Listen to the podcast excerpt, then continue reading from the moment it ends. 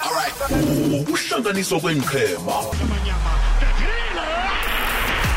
indaba ezitshisako abadlali umbango webhigiri isunduzwano lobujamo beligi fulela wanethwa kukwekwecfm fulela wanethwa umhatsho ikwekwezi FM ngiyakwamukela mlaleli.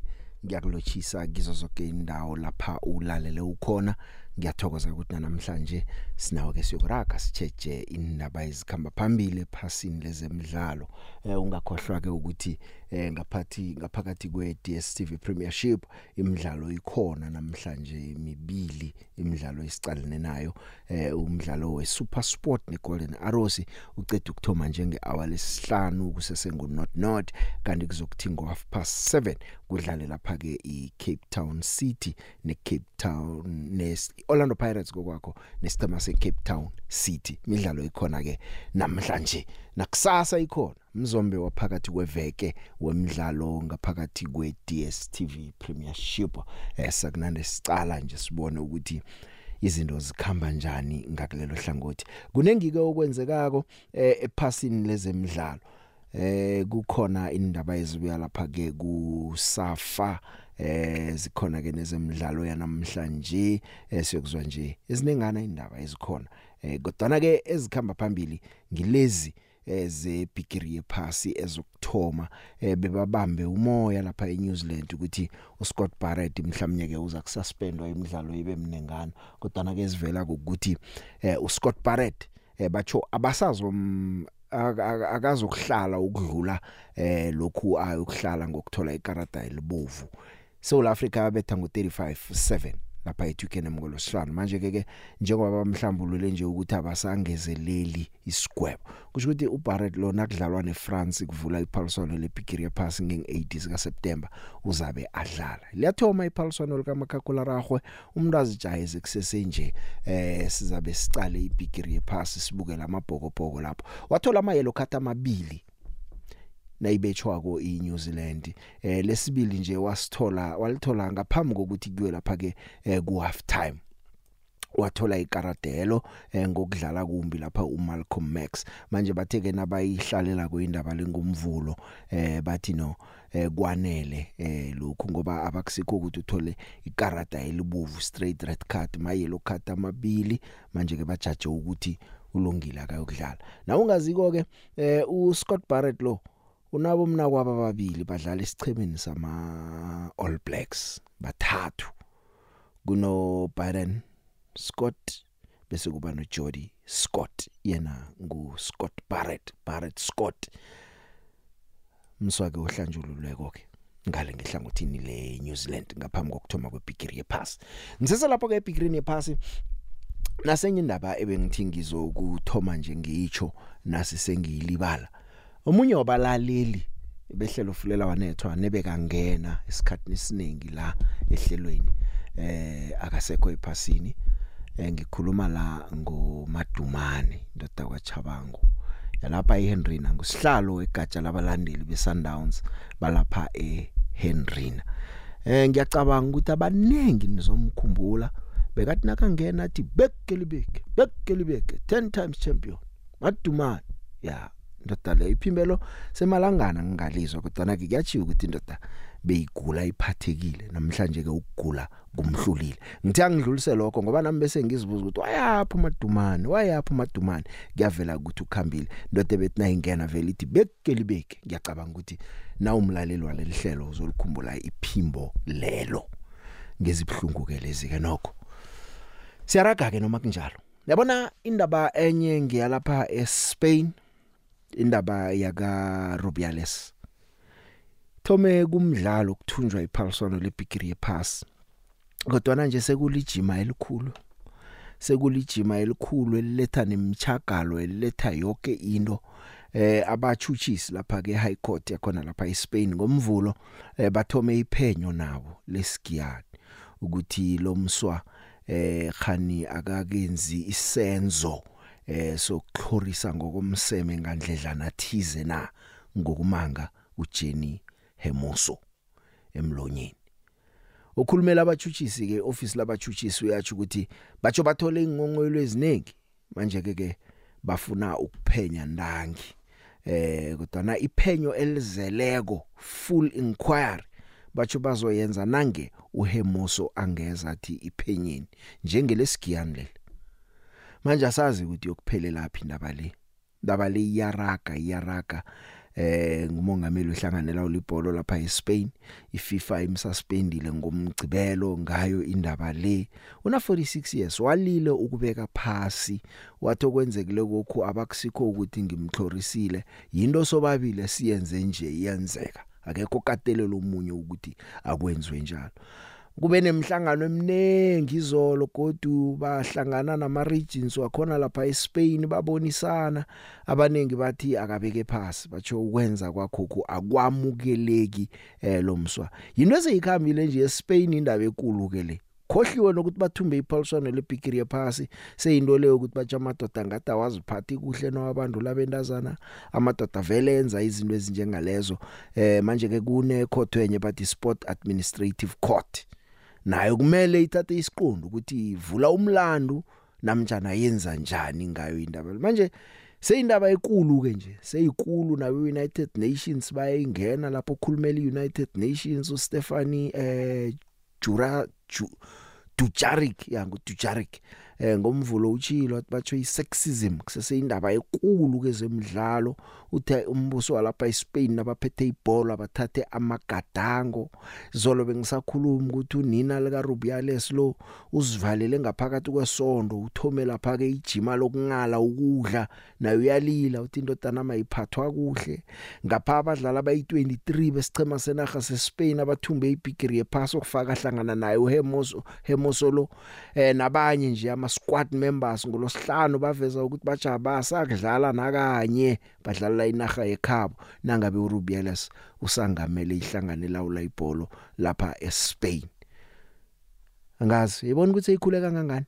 Ayigcini lapho ke sekuvela nezinye msiyavela ziningi.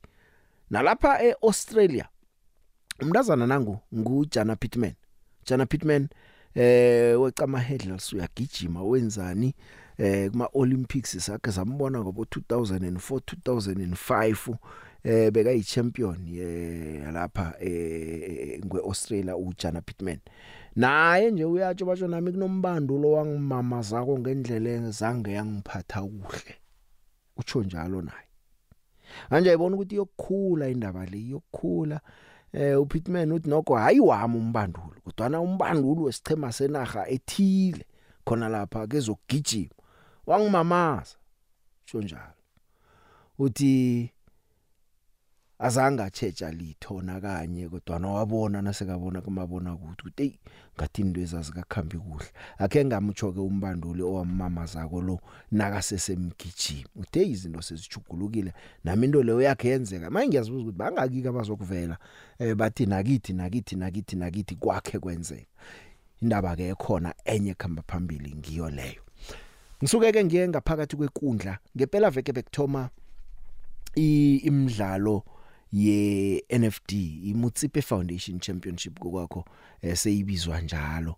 Eh, iMaritzburg United ithome kuhle ithome ngokuthumba umbandulu uzipho dlangalala uthi lokhu kuyabakhuthaza ukuthi bathome ngalendlela Maritzburg khumbule yakajwa Luzembe isizini epheleleko bathumbe ngo1 note eh, nesicheme esinye seKZN iMilford ngolosihlanu eh, uFriday Samu nokho usesekhona umswa weZambia isichemeni kuyobethe igondelo elenza ukuthi bawathathe wonke ke amaphuzu yowabathoma ijima labo ukudlala lapha ke eh, ku Mutsipe Foundation Championship. Ngemva kweminyaka elithumi nekhomba baseligini ngephezulu yeSouth Africa behlile. Sazi ukuthi bazokwehla babuye emsinya namtjana njani na. Esinye isiceme sikatshwe Lizembe sizine pheleko iMarumo Gallants iMarumo Gallants eh yona ke ithome ngedraw yaka 22 neKaizer Stars eh lapha ke Solomon Mahlangu Stadium kwamhlanga ngempela veke University of Pretoria angazi ukuthi izokubuya nini kodwa kulahlwa mbeleko ngesinye isicheme sakhe sathembisa ukuthi siyabuya siyabuya siyabuya. Solo kuyabhala ukubuya. Babejiwe ngo2 not babejwa eHungry Lions ngomgcibelo kanti isicheme esifikako ku NFD ngikhuluma ngeOrbit College ithumbile ngo2-1 ibetha iPlatinum City Rovers. Mphumela ke seyiyonke ngibone la nesichema sePretoria Kellys neBlack Leopards zidlale ngo not not eh beBlack Leopards nawo bathi yong eh indoda iphala umrogo ndoda. Bathi iphuzo lilodwe lelingcono eh nokho siza kwakhela phezukwalo ilamasiya yabetha iAppington eh ngo 1 not Venda Football Academy ne JDR Stars zidlala lapha ke ngo not not eh ngempela veke iMagesi ibethe iBaroka ngo 2-1 Mphumela leyo ke yalapha ku NFD okuyimutsipe Foundation Championship eh ngoba kizolo ngebanga lesikhathi ke ngesikwazi nje ukuthi eh sidlulise imphumela leyo. Eh ngisazokuya ngiyokuchecha lapha ke ukuthi uthini CEO wesafa ngoba bakhulumisa indaba ukuthi imali yokufikela kithi sisafa sizayidlulisela ebandazaneni akhe ngithi umdlalo uyaraka eh kusesela phake eh ngigcine lapha ke kusese i not not yangigcine kusese i not not eh, phakathi kwe SuperSport United ne Golden Arrows locha locha joe. Ya mani ngiyayizwa indaba lapha eSpain inzima le ndaba le man ya khona vele kuvamisile ukuthi ababanduli bamadoda uthola ukuthi bahlukumeza abafazi laba. So yena lo baba khostayekela umsebenzi ayikho indaba yakhe joe. Nami ngiyathanda mani ukuthi ngibongise isichema sami Orlando Pirates ngathi ngadlala kahle namhlanje. Ngathi ngawina big joe namhlanje ngo half past 7 ngiyabonga eh, big joe khuluma nosibusiso ngapha ejoburg. Kwande big joe nino ari ngiyanilotshisa nilotshisa ngu-welcome umzukulwana kukhwana umathembikane big joe mlandeli omkhulu wesichema se-kaizer chiefs. Big joe siwinile ngosondarha kodwa niwina khona big joe. Ah zange ngijabule ngendlela i-chiefs idlale ngakhona. Big joe bese ngithi hani mhlambe nabo khe baye kwasigudu kunabanye batsho bomakhelwane bethu khe babonakala kwasigudu maskini eh kuza kulunga big joe nathi siza kulomatha big joe. Ke baye kwasigudu big joe. Eh thobela thobela big joe eh lebisiwe ka mo kokwesi eh big joe mo rugby eh south africa e tseba go bapala rugby. A ke bone e ka jiwa ke bona di-finaleng e ya and-e le mogopo e ka boa le ona. Ke a leboga ke andres mabela ka mo davidton usesi akhona magalima eh uhlangana nabo ma abalithumi nambili abosofengwana balayi Africa bayokuphatha imidlalo ku FIFA Women's World Cup. Akhona ngiyakwamukela ngiyakulochisa emhathweni kwekwez FM yachema Thank you so much for having me. thina siyabonga.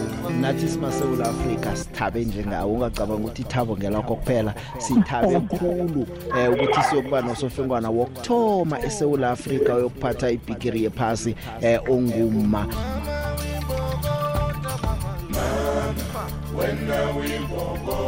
mama siyabonga.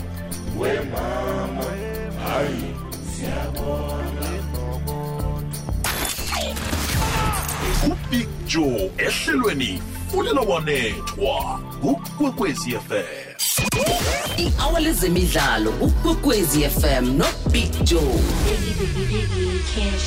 Isimbi yesihlanu itsho ukuthoma kwe-iri lezemidlalo ukwekwezi fm nobig joe. Kukhanya ba. Ke ngijinge lapha ke ku Safa CEO uLydia Manyapawu eh into yokthoma ivezileko ukuthi imidlalo yobungani yebafana bafana iyokudlalelwa eOrlando Stadium.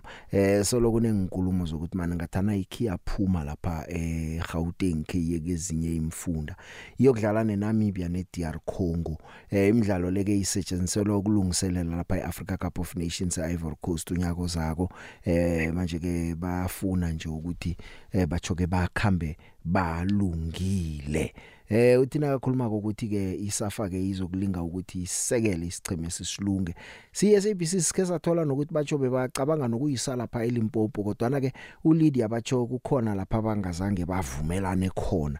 Eh uyahlathulula ke ukuthi kusebenze njani. Kodwa into engakutshela na ukuthi Orlando Stadium njengoba iyokuphatha umdlalo nje eh kungemva nje kwenyanga ezisithandathu ngemva kokuthi eOrlando bekudlala umdlalo wokuqualify la eAfcon la bekudlalwa khona neLiberia nje ubuyela eOrlando Godu. Eh iSouth Africa yokudlala neNamibia ngomgcibelo nge9 zika September bese ngemva kwamalanga amathathu sidlala neDR Congo. Eh kusasa kusako uHugo Bruce uyokumemezela abadlali abamachuma amabili nabathu thathu eh khona la emzimkhulu weSABC ake sizwe uLydia. We started by engaging other provinces first, um, solely because we are trying to address that issue to say that people saying that you know Bafana is always playing in, in Gauteng. So we try, we, we we engaged quite a few provinces, uh, tried to get assistance because once we leave Johannesburg, you know the costs also increase. Um, you know it means that you also must fly the team that comes here, you know to wherever, whichever uh, province they go to, or you must drive them there. Or but at the end of the day, once they land in Johannesburg, they become your responsibility. But if you don't have anyone else, you know, um, putting money on the table to try to assist us, especially uh, as far as co- accommodation and transport is concerned, then it becomes, you know, uh, the bill lands on our table, and we don't, we just don't have sufficient funding in terms of taking care of things that we cannot, uh, you know, afford in terms of taking the game outside um, the Gauteng province. Engaged quite a few people, but no one came back with a positive answer or a letter of commitment to say they will cover, you know, um, the, the, the, the costs that, you know, were very key for us, especially the, the, the, the, the match operations, stadium operation uh, costs. Yes, um, we are playing at Orlando Stadium. On the 9th, we play Namibia. Kickoff it is 1500 hours or 3, p- 3 p.m. And we play the DRC on Tuesday, the 12th, at um, 1700 hours or 5 p.m. Uh, but both games will be at Orlando Stadium. Yibafana bafana eyokudlala eOrlando Stadium. Angazi ukuthi wena uthini wakho umbono? Isichema senaga sisikhamba sidlala imfunda eh ngoba nge ngesisewula Afrika ngelanga sichinge embombela ngelanga sichinge eLimpopo ngelanga siye le Kapa ngelanga siye Free State asikhamba khuluma ngendleko manje kuba budisi ke nakho lokhu. Ngicabanga ukuthi ezinye zezinto ke nazo lezi ezibulala isekelo isichemeni senaga abanye abantu sebagcina ngosibukela kumabona kude umuntu agcina singalile ngoba imidlalo iphakathi kweveke ngezwasuka la usuka khona uze Orlando kusetshenzwa ngolosithathu umdlalo ngolosibili kuyokuyabapha abantu bokubaba ngakhe. Bese nakho lokhu kuyayibulala into ukuthi bafana bafana nayidlala ku akuna support sibalandeli ke sikhombane ngemini ukuthi hey asisekeli isichema sethu senaga ihlanganela ulibholo le yena yisenzela kube lula ukuthi sikhone ukusisekela isichema sina ngenye nje yemibuzo ekhona ngendlela abahlela ngakhona. Ngazi nayo leyo sengiyibeka ku kanti ezinye ke indaba zivela lapha kwa MTN MTN iphakamisa isandla ke ukuthi akukhulunyiswaneni ngendaba yokwenza ileague yabendazana eSouth Africa eh, ibe ibhola yabendazana eSouth Africa ibe professional. Eh ukukhumbula ukuthi bake bahlala phansi nozisi kodwa eh bahlala nabanyana abanyana nama Proteas netball team ngemva koPelson lebigree ephasi.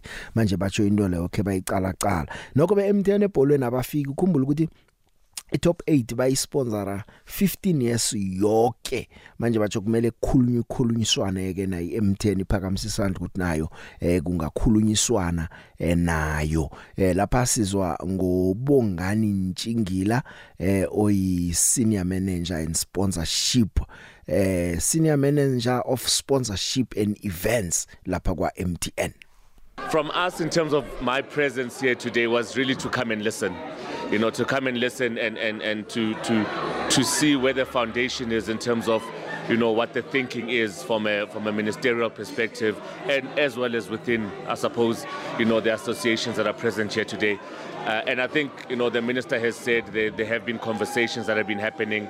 Uh, he has requested a meeting with us. So, so certainly, I think, you know, we will, we will partake in the discussions. And obviously, as a business, we need to go back and, and look at what is it or how big our involvement can be in growing women's football, in professionalizing uh, women's sport. Actually, let me not just talk about football and just professionalizing women's sport. But I think there's a lot of conversations that have to be happen, that have to happen. To be quite honest, both whether it's from a sponsorship perspective, but as well as just from an administrative perspective in terms of you know the running thereof once we get to a point where you know women's sport becomes professional.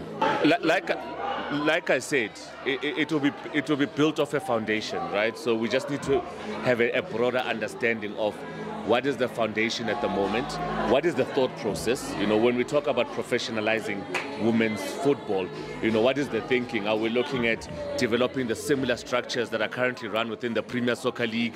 Is it a SAFA-led? A, a, a, a professional women's league. So it will all depend on the factors that that are, that are put forward for, for any consideration to be made. Like I say, you know, we, we, we, we do believe from an MTN perspective that we have missed uh, an opportunity within women women women sponsorships, not just from a sports perspective, just holistically. To be very honest with you, Venavelile, and it's something that ever since you know my my my, my, boss Unomsa has come in, she's always said, guys, you know we need to break we need to break away from just focusing on men. So certainly something we have considered, something that we've looked at even from our sponsorship strategy perspective. So for me, as I say, you know, yes, we are the sponsors of the MTN8. Um, we've we've been with clubs in the past. So, so from a from a football perspective and an understanding that big passion point that football is, it's all going to depend, I suppose, on the structures that are built in and where to from here. You know, uh, you know, uh, somebody was saying the lip service needs to stop. You know, so now now that you know we've all identified that lip service needs to stop, it's about how we take it forward, and I think that's when we're gonna start seeing how our appetite, for example, would come in. You know, I mean, it would be lovely to have an MTN 18 women's football. Eh locha locha Big Joe. Lo khuluma ngusosibusiso ngiJacob akwasibanyoni la eSheldon Lodge empumelelweni. Big Joe ngazi namhla uzangidobha na? Nongidobhile ezabe kulichudu kimi. Eh Big Joe ngiba ukuphawula ngengicheme emibili zangekhethu mina ngilibhakaniya. Eh ngosondarha siyibonile i-Kaizer Stars lapha eSolomon Mahlangu. No yena iyakhombisa ukuthi isabuye ngamandla. Eh ngiyazi ukuthi ubaba ubharho balilalela ihlelo lekwekwezi. Akhazame ngathi uthola umuntu ozokuthatha ibholo alihlanganise nenethi phambili lapha nangemvapha eh athola umsa uzohelebhisana no no Ray loya emvapha ya ikhuwa lila lapha. Aqinisa aqinise nakhona. Ngiyathemba ukuthi uzawudlala kuhle njengesizini ephelileko ngibuye ngiye ku-TS Galaxy kubabusukazi. i-TS Galaxy ngiyayibona naye ufakile abasana abancane abagijimako eh Big Joe. So kulabasanyana laba baya bayadlala bona Big Joe. Nethi nakhona khangathi uyakhibelela phambili lapha. Mara ke kokugcina ngifuna ukuthi eh, kusukazi khazama ufuna igoalkeeper. Ah igoalkeeper le mina hayi hayi hayi sisazokulila ngegoalkeeper iTS Galaxy le akafuna igoalkeeper ungathi mfitshanyana ngoba lo mude nebabethe imbholo ezikhamba phasi uthatha isikhathi yokulala abamba ibholo selidlulile nibholo liyagijima. Ngiyathokoza Big Joe isikhathi sakho ehleleni lethu silithanda kakhulu kwamambala. Emnyakeni wamachumi amane wekwekwezi fm sisakulethela zemidlalo zisatshisa ngehlelo lezemidlalo fulela wanethwa fulela wanethwa ngikhuluma la ne-tournament director uma upriscilla wakwamasisi ngegama nje lodwa ungatsho ukuthi mhlawumnye i-world cup ye-netball yokuthoma yokudlalelwa e-afrika ibe yimpumelelo Everything went smooth. Uh, the players were happy and also our visitors were very happy. We only had few glitches in terms of tickets uh, when they were supposed to be printed, but we managed to sort that one out after the opening ceremony. Everything went smoothly. The only incidents we have are those minor ones of the theft, which are still being probed, but uh, there was nothing major. I also want to commend our security that they were on board, uh, even when there was a strike, but our teams managed to leave without any hiccups. They were on time at the airport. dlala dlala big joe asidlali la ezemidlalo kufulela wanethwa a 016 usiya evalley picture picture hayi mna ndiyafuna ukuthi bangaba yitrap le ye-new zealand. I-new zealand lena ehlobo besinike e- esibethe ngalo mna there's something engaphayana. Amabhokobhoko nam ndiyawasapota into yobana ngaba siwabethe 35-7 ndiyafuna ukuthi i-new zealand bezifuna ukubona into yobana ngaba masihlangana nabo kwi-semifinal or kwi-final ye-world cup bafuna ubona i-approach yethu thina south africa. No that's a trap big joe. Andifuna over andifuna over sawubona apha ke kule bhigiri yephasi ezawuqala apha nge-8 kaseptemba abafana bakuthona uxolo heyi sebesithi bafuna iman city. They don't deserve ukudlala kwi-bsl ngewinanyana nje big joe bathi ngoku uphothane nomobi nomodi nobani nalo mfana lona westream uduprise sebesithi bawuvinjwa. Eh le phambili. Hayi sawubona big joe istellenbosch kusasa iphinde ibe yi-sundowns nge-weekend big joe sicele uxolo kakhulu sivelelana nosapho lwalomfana lona ebeyikholiki yethu. Yes ndingathi ikholiki yethu kuba kaloku apha kukhokwezi FM kufulela wanetha siyifamily enye Big Joe yanga umphefumulo wakhe angaphumula ngoxolo thank you Big Joe lotsha big joe unjani? Nesitshaba samandrebele sonke. Mfana kamoyeti studio extension 8 uh big joe ngithi dudu emndenini wakomadumawu. Ngiyamazi ubhudulwana shemu bethi uma ingena shemu. Ah ngithande just ukumlalela kakhulu shemu bengithanda shemu ukumlalela. Ya awu shemu kakhulu. Ngathi ujehova ungababopha ngebhanti lakamoya umndeni wonke lesihlobo labangani baduduzeke. Big joe mina as much noma ungayifaka le topic inhliziyo yami buhlungu ngendlela i-chiefs erana ngayo. Isilathi ngani i-chiefs sizitshele ukuthi iza izosebenza ngaleyo ndlela till end angathi akukho improvement engiyibona eyaphambili but ngendlela i-chiefs esebenza ngayo nawo kuyadabukisa kakhulu and kuyangisa lokuthi ngicommente even kufacebook even ngicommente noma yikuphi angisakwazi ukuyibona njengeqembu elinjani elikhulu ngendlela ehlangahlangane ngayo. Asazi maybe bazovuka bazithatha abafana but ngiyabafisela ukuthi ngibiyele kukhosi lelana engilaziyo serious not leli hayi ngilahlekile butjo ngilahleke kakhulu shem. Sawubona sawubona Jibheke ninjani. Ukhuluma nolakhe la eSoweto. Ngithanda ukuphawula ngale ndaba yabafana bafana okuthiwa eh abakwazi ukutravela bodlala kwamanye ama-province ngoba kuthiwa eh indleko ziyabiza. Angizwisisi mina ngoba la asikhulumi ngeqembu nje ele PSL oro i-team nje sikhuluma nge-national team. Kanjani? Ebheke uma uzothatha ukubheka kungathi iyabona i-corruption idlala ubi lapha because manje awukwazi ukukhala nge-squad i-squad it's a south african national team. Okuthiwa ayikwazi ukuyodlala kuphi kuphi because of ama-cost. Kanjani? Ngoba nala eGauteng mayila eGauteng akukhona kwayo la ibafana bafana yonke indawo la around South Africa isekhaya. So kanjani bazokhala ngendleko? Hayi abangadlali ngathi laba bantu abayenza into straight ibafana bafana ayidlale wonke ama province thank you. Big Joe yacha ma man Big Joe mina ndaba nokuthi bathi bafana bafana iyale nale ah ngibona kuyafana into la yokwenza umehluko. Akuthathe leyo mali leyo costa transport ngayo leyo country leyo zabe izodlala la njengenamibia leyo. Kunokuthi siwe bopulukwane bathi siwa kubo Cape Town. Asingcono kuthathwe leyo mali leyo kusponsore yona iliga bentazana leyo. Into le yokufana ngoba noma bangaya epulukwane lapho silile ngokuthi batsho abantu kusasa kwenzani bayabereka ngubani okusuka la egauteng achingele epulukwane? Still nabantu bepulukwane abona bangayiko at all. At least la egauteng la at least angaya kufana ehlangene abantu ngobunengi. Hayi sireha sidlalele la egauteng. Kanti wayi bafuna ukuthi manje kuthome ithele hayi babona nemali zingekho kangaka isafa inganamali kangaka. Ibhalelwa kubhadela nabentazana kwenzakalani kwenzakalani. Kusafuna ukuthi kube ngamanye vere amacosta awa mani bona big joe ngu-eric lo erustenburg ekhaya kuse-eastern cape elisikisiki um ngiyebulisa big joe nowebisiwe mlandelo we-sundowns big joe yayiva le ndaba yasespain ya ibuhlungu ibuhlungu ibuhlungu yona big joe so uma ndibuyela apha ekhaya kwi-psl eyi big joe eh mina ngiyazi into eyenzekayo laphaya kumazulu.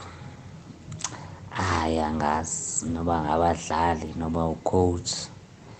Mina ngazi muthi uyaqaphela laphaya KZN i-team oyibonayo ukuthi idlala ibhola elithenze cha i-Golden Arrows.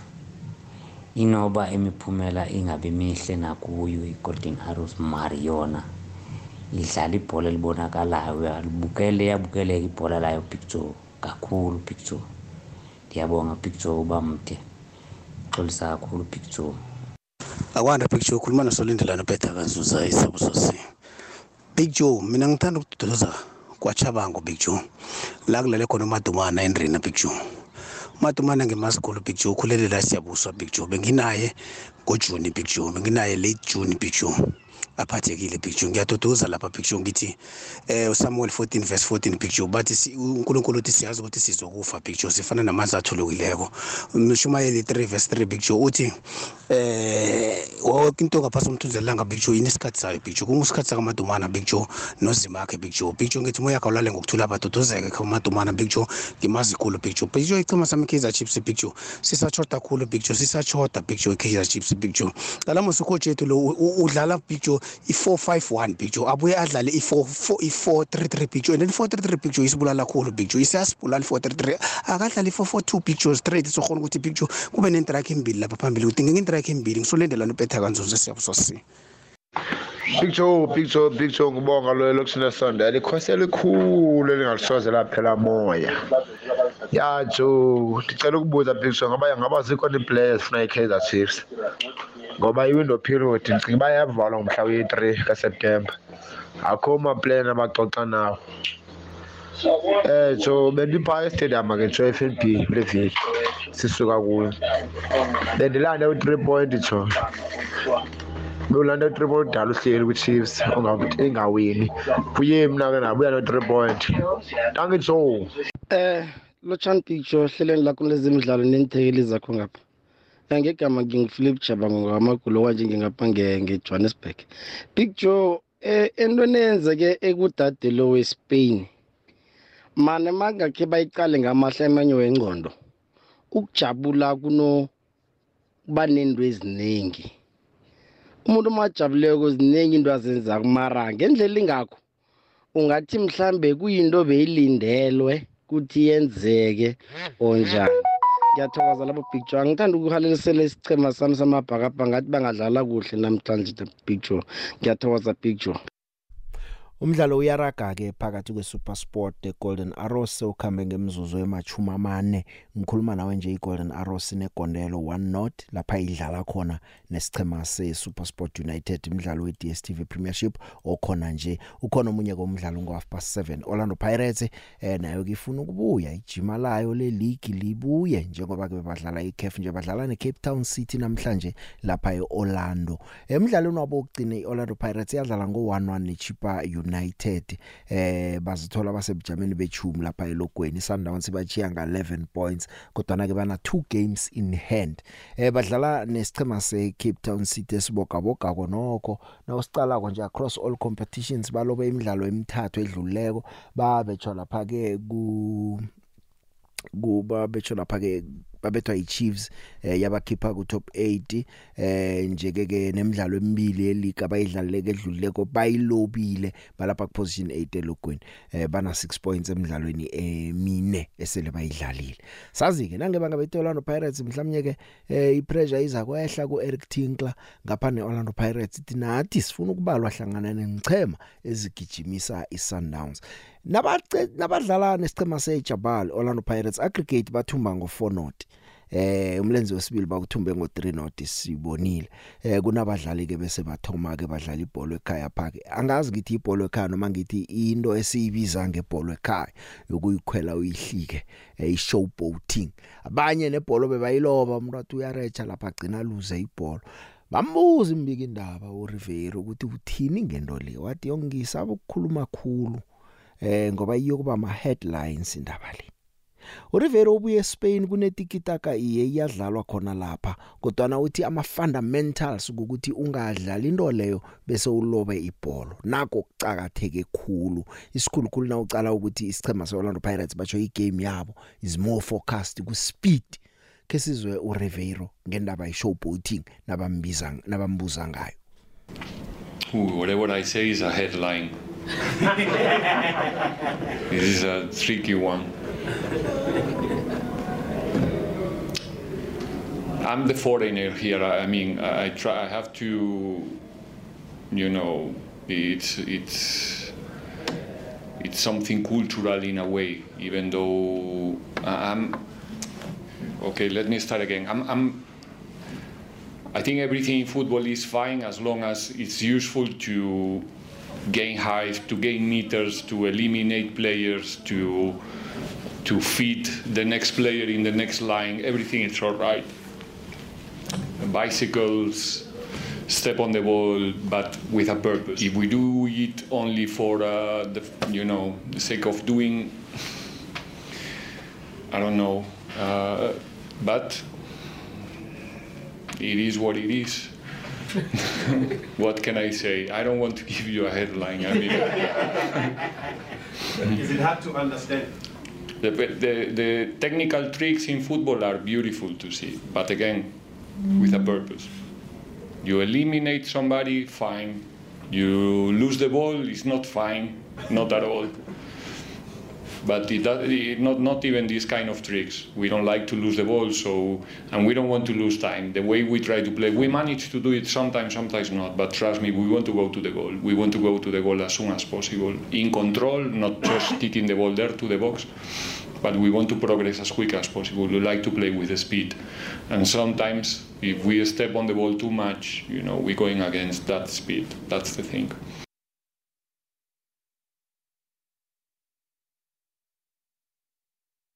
Ya picture mani lakhe semaphethe ipsiloti picture andifuna ukhomenta ngasport today or anything. Just nje nami ndifuna ukuthi eh rest in peace ku-henrico madumane picture eh, na, eh, i think wonke umuntu uyamkhumbula eh ebengena eh asho le- signature maneuver yakhe. Beke libeke beke libeke beke libeke Enrico Madumane eh uh, 10 times double champion uh, double champion. So eh uh, sithala lokuthula naye eh, isanta isantawana Big Joe. Sesingumndeni kakhulu lana Big Joe. Ngathi abantu nje eh bangayitshela nemindeni yabo ukuthi makwenzeke lokho oku okungekho kuhle. Eh basazise man just noma kungekho kungake sizokusho ingabo abo rest in peace kuphela. Akwanda akwande Vic Joe nomlaleli wekhukwez FM Big Joe nami ngithanda ukuphawula ngendaba yomongameli weSpain eh khamba phambili phasi lemazombe ukufika kuphi nakuphi usizwa nje uthi no nedade wase-australia eh salo wahlangabeza into fana le. Mara mina ngibona ngakhona bengicabanga ukuthi indaba le angeke ize ikhule. Ngibe ngicabanga ukuthi umongameli lo into wayenza wayenza ngethabo uthabela chema sakuthumba ibhegeri kokuthoma. Sazi ukuthi ukuthumba kwebhegeri kungayenzeka into yiphi na yiphi mara into le wayenza echachalazi azange ayenze emsitweni ngathi nama yenza emsithelweni silezwe ukuthi wani into a- ahlosile kuyenza mara the way izinto zikhamba khona sale saziwa even umbanduli wezambia batsho um uphatha kumbi omunye umdlalo bagcina bathi hawa isindaba usaphenywa so into le izokuphazamisa imidlalo yebholo or isports kunabantu bengubo even masifuna the way abantu bengubo abantu bangamadoda. Even uh, ezinye izinto eziningi ziyenzekalayo ukuphuma nokungena kwawo kubholo um bazogcina bathi ku- kungaba yini kube nebomongameli wabafazi. Zonke izinto ziphathelana nebhola labafazi zenziwa abantu besifazane aborefri amakochi nakho konke even ama-cameraman. So into le izogcina ingasabi mnandi. Ngiyathokoza khulu sezimbabwe Big Joe. Umbuzo wami enginawo ukuthi kani i-Kaizer Chiefs why ingadlali yona during the week? Like njengalezi ezidlala namhlanje. Pirate iyadlala namhlanje Sundowns iyadlala kusasa. i-Chiefs ayidlali phakathi kweveke. Kanti yona ngenjani? Iklabhu enjani yona? Umehluko ukuphi? Yona why bayinikela ama-fixture wawe- wa-weekend kuphela? Ezinye inhlabhu abazinikela phakathi kweveke. Umehluko ukuphi? nedi saba nedi ihlathululo lapho mhlambe ngimi ungaziko. Ngoba abantu abawa abadlali during the week kuse kube yi-weekend khona idlalako. Kanti yona injani ihluke ngani kwezinye ingchema utlhoga igama ngapha ngesikimini.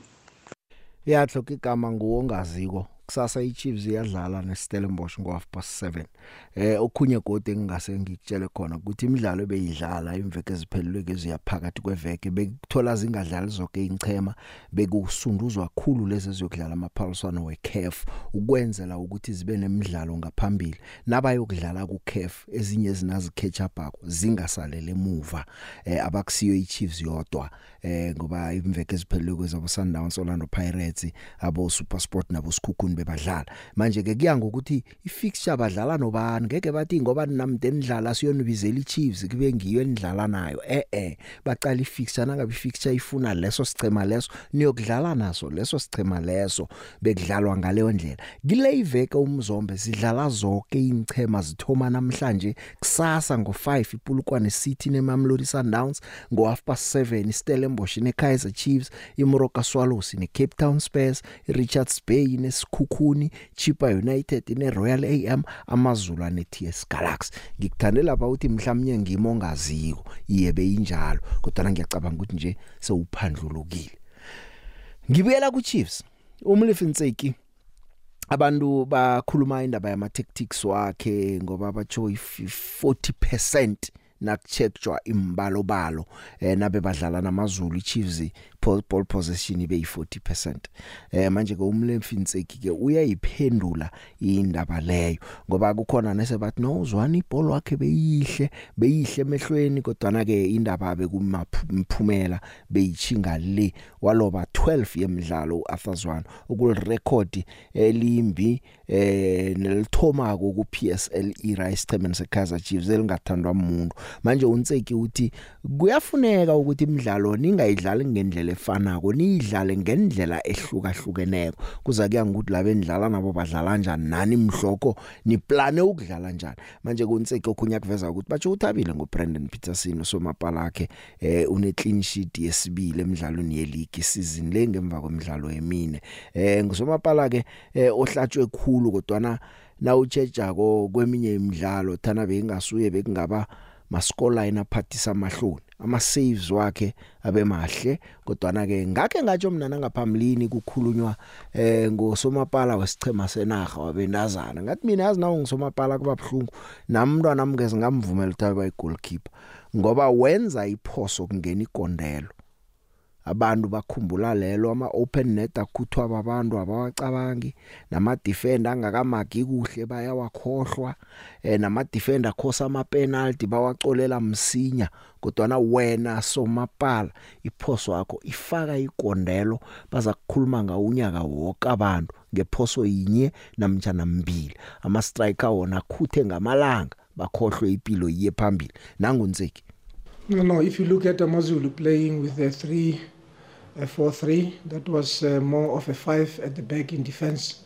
It was more of a deep block, and uh, what we saw in our analysis is that uh, when the three centre backs apply a high line, today the plan was to use more of the half spaces. If they come into the half spaces, they will always give us space at the back, and I think.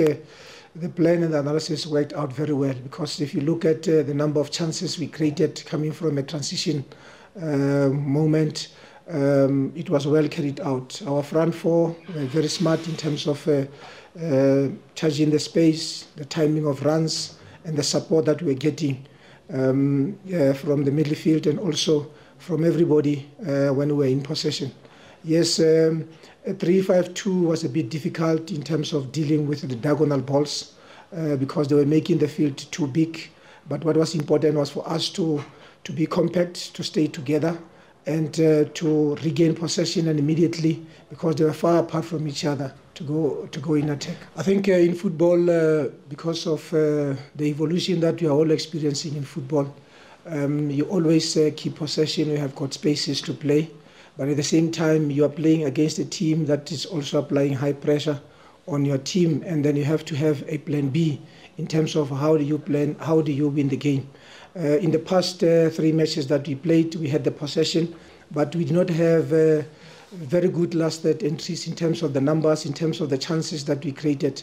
So we realized that, and what was very important uh, coming into this game was uh, we don't concede, we stay compact. At the same time, they try to, to open the, the, the game and they go into wide areas. As we regain possession, we go through the midfield, and we are quick to do that. I think uh, in terms of uh, how we want to play as Kaiser Chiefs, we want to dominate performance, uh, dominate possession. But if you don't dominate possession, what else can work for you? We are playing as a team, we prepare as a team, and if a player is not having a good game, we always pep him up. Uh, that's the reason why we saw uh, Brendan playing every game, despite uh, the mistakes that he was making, because he's a quality, our quality goalkeeper. When it comes to him not conceding today, I think uh, it is good for the club. It is good for, for him. It is good for also for the department, the goalkeeping department. But uh, also the defenders played a very big role in making sure that uh, we don't get balls played behind uh, our goalkeeper. And also it was a team effort. Uh, we were a bit deep uh, in, in absorbing pressure that Amazul was putting on us. And in defending deep, you are likely to get spaces behind. I think uh, the most important thing was for us to win this game. And in winning this game, it, it's, a, it's, a, it's a moral booster for all of us that are associated with the club and for the players in particular. Big Joe akwandre ntambama nanguthembo emahlomuza napere vatirifala isizukulwane sakwamukungu eh Big Joe angithome ngalapha kumadumana wachabangu ngita kwehlangele kwehlela ihleka labaningi abaduduzeke kuleyo ndawo akalahlekelwa bona bodwa nathi silahlekelwe ivoice langeke sisayizwa ivoice emnandi kangaka. Hayi angiye ngapha into yespain leya ubaba lo kakarelo umrongumma loya. Hayi yona nasuyibukela eh, big joe lapha eh, enkundleni zokuthintana lapha uyayibona ukuthi into le bekayimina angidluleke lapho umthetho uzadlala ihindrimayo angibuyele ngapha ebukhosini bamapha ngilifavora lamakhosi. Eyi mina ngibona ngathi sithola umcaso ulele ngeweekend. Ichips ukuthi izimisele zoyibona kusasa nangeweekend. Nakungimi ngehla ngomhoba danko. Joe akwande. Kulakhi la iBritex renke ngicela ukuthoma ngokududuza emndenini wakashabang ngomadumane ngithi alale kahle ngompele eh bese ngithi nje moya wakhe ngathi ungalala ngokuthula. Big Joe indaba efana bafana neGauteng ayikho into engenziwa Big Joe abantu abaningi sebaphelelwa uthando kudala le bafana bafana. Kwakhona la Orlando labathi izobidlala khona ngo5 imagine mfethu midweek bakutshela ukuthi team ibhola lizodlala ngo5 ngesikhathi sisemsebenzini. Thina ngeke siyekele ukusebenza siyobuka ibafana bafana. Ngcono kube kudlala ama team wethu uyabo? Igame lena ngabe beyibe ngo8 ebusuku noma ngo7 ke at least. Abantu bebazophuma beyoyisupport. Ama province amanye awo amanayo akhala nje mfethu. Ayikho into abayikhalelayo ngoba ingafika yona le bafana bafana lapha nephulukwane thola abalandeli beyi-3000 uyise mhlambe la ngaze kube ngcono khona maybe bangayisa noma eDurban. Kodwa kuyabezwa labantu besafa ukuthi bakhala kanjani ngeyindleko yilabo abantu bayakhathanda ukucomplaina ngemali. Awanda bayenzani lungile big joe. Ngithemba nje ukuthi abafana bami kusasa amakhosi azodlala kahle. The big. Big Joe eche nangu Patrick Matsilaka usukhipha thuba netroy matempule. Joe mani ngi sengi ngibuhlungwanyana lapha mani. Into le yomongameli lo weSpain lo mani eish ngathi sebayiwubula kakhulu mani. Bayiwubula kakhulu eh eno baba abantu banu basenzela lithabo. No bamfaka enye into ukuthi ubangekho lapho ungasuthi mhlambe yena ubona umnqopho uthize uyayibona manje eish ah sebayiwubula kakhulu manje hey hawa nje khona nama ngisakareki ni. Eish manje eh ngibuye ngithi dudu kubhekele ibeke bekele ibeke ngithi kwangomoya yakho ngalala ngokuthula eh Big Joe no Ara. Danko! Sawubona Big Joe. Uh, picture I, I'm not happy ngesafa yabona the way bahlela ngakhona ama-friendless games masiyodlala ama-competition picture angikho happy picture isafa kumele ithole ama-team acinile picture njengabo-morocco egypt kanje ama-team ane-history erehe la e-africa picture hawa basokudlala nabo Namibia laba nama-rankings wakhona awa picture kusasithole ama-team anama-rankings arehe from top 10 lapha kubo top 5 picture awa picture nje sokudlala i-competition but then ama-friendlies game la sokudlala nama-counters nama, nama waka big joe. Hawu am not happy big joe. Then kurugby hawu i-south africa yona amabhokobhoko ngiyawathemba big joe. Ngiba basenzela rehe big joe la emzansi. Ngiyabonga big joe. Dumisani la emhlangene ekusitona esibhedlela. Bye. Akwande usemoyeni? Usemoyeni? Usemoyeni yeche akwande? The big channel mlalelo kukwez FM Alfred kwapundulwana the big nangu Alfred kwapundulwana Sundowns. Eh the big eh umdlalo uthoma kusasa. Sundowns yokuthatha amaphuzu amathathu uPulukwane City. Lokho abe kubuzwa and then Stellenbosch sokuthatha amaphuzu amathathu uKaizer Chiefs. And then the big man ngizwela abalandeli beKaizer Chiefs engiyabazwela the big ithabe likhona ngathi liyaphela the big kusukela kusasa nangigcibelo awa the big iyajama koke bengithokozisa ne-sundowns ngokuthatha iligi zemidlalo eyi-six angitsho ngithokozile. Usemoyeni? Awande yeche njani ngikhona mina unjani wena? Ngubakhani number one. Hey uthini phakajuju hawa ngitholile picture uya uya uyakhuphuka kusasa eh member? Sasa sengithi kusasa nje man. Ngifuna ukuthi usendleleni na uya e, e, e Orlando yi-orlando sunday picture namhlanje awuyi? Hawa nje i-orlando Oh. sunday. uzokuya ngosonto yebo. Okay mfo. Uthini namhlanje ke? Mina ngithi namhlanje amagame la njengegame echiefs izokutsho ukuthi bayokudlala njani ngomgcibelo ne-sundowns? Mm. igame akusasa nabadlala nabadlala kusasa izokhuluma ukuthi badlala njani. Mm. and nabadlala ne-sundowns kosaba-ten thirteen badlale i-exercise two. Bagcwalise ku-midfield kube ne-midfield eningi. Sundowns ikwazi ukuyoga amabholo phakathi. Bangabi nespace nabadlala amabholo phakathi. Bakania eh ku- akuka- akukandi nokho ukuthola ibhakania lipha ikhusi amano ukuthi badlale njani. Okunye godu ungamorosa imali yakho ke ngosondo uchinge e e Orlando. Imidlalo use Stellenbosch eOrlando uza kubuya emlenzeni wesibili yazo. Allright hayi estellenbosch ngizakubona ngegame elandelako ngithokozile. Thank you Hari Debek? Bakania liya advise lapho ukuthi nidlale njani kusasa nangomgcibelo kuyafuneka. Mm. ngiba uyivala ngokuthi mani u umadumane. Mm. eh bekangibiza ngo-chairman. Ya. Ya bekangibiza ngo-chairman. Bekelibeke bekelibeke bekelibeke umoya kha ulale ngokuthula. Eh bekayithanda khulu ikwekwezi FM ekuseni-ke nathi-ke bekathanda ukungena vele ehlelweni lethu. Ekusenoka. ya eh athi Usasebenza chairman- ekuseni? ya ngisasebenza ekuseni athi chairman. Hayi nemndenini manisithi dudu. Abatutuzeke yazi kubhlungu sizwa ubhlungu khulu nga ngomlaleli munye. Mm. noma singabaza abantu kodwa nje ukuthi sizwa amaphimba abo sigcina sesimndeni khulu. Ya qiniso lelo sithokozile mlaleli sihlangane kusasa.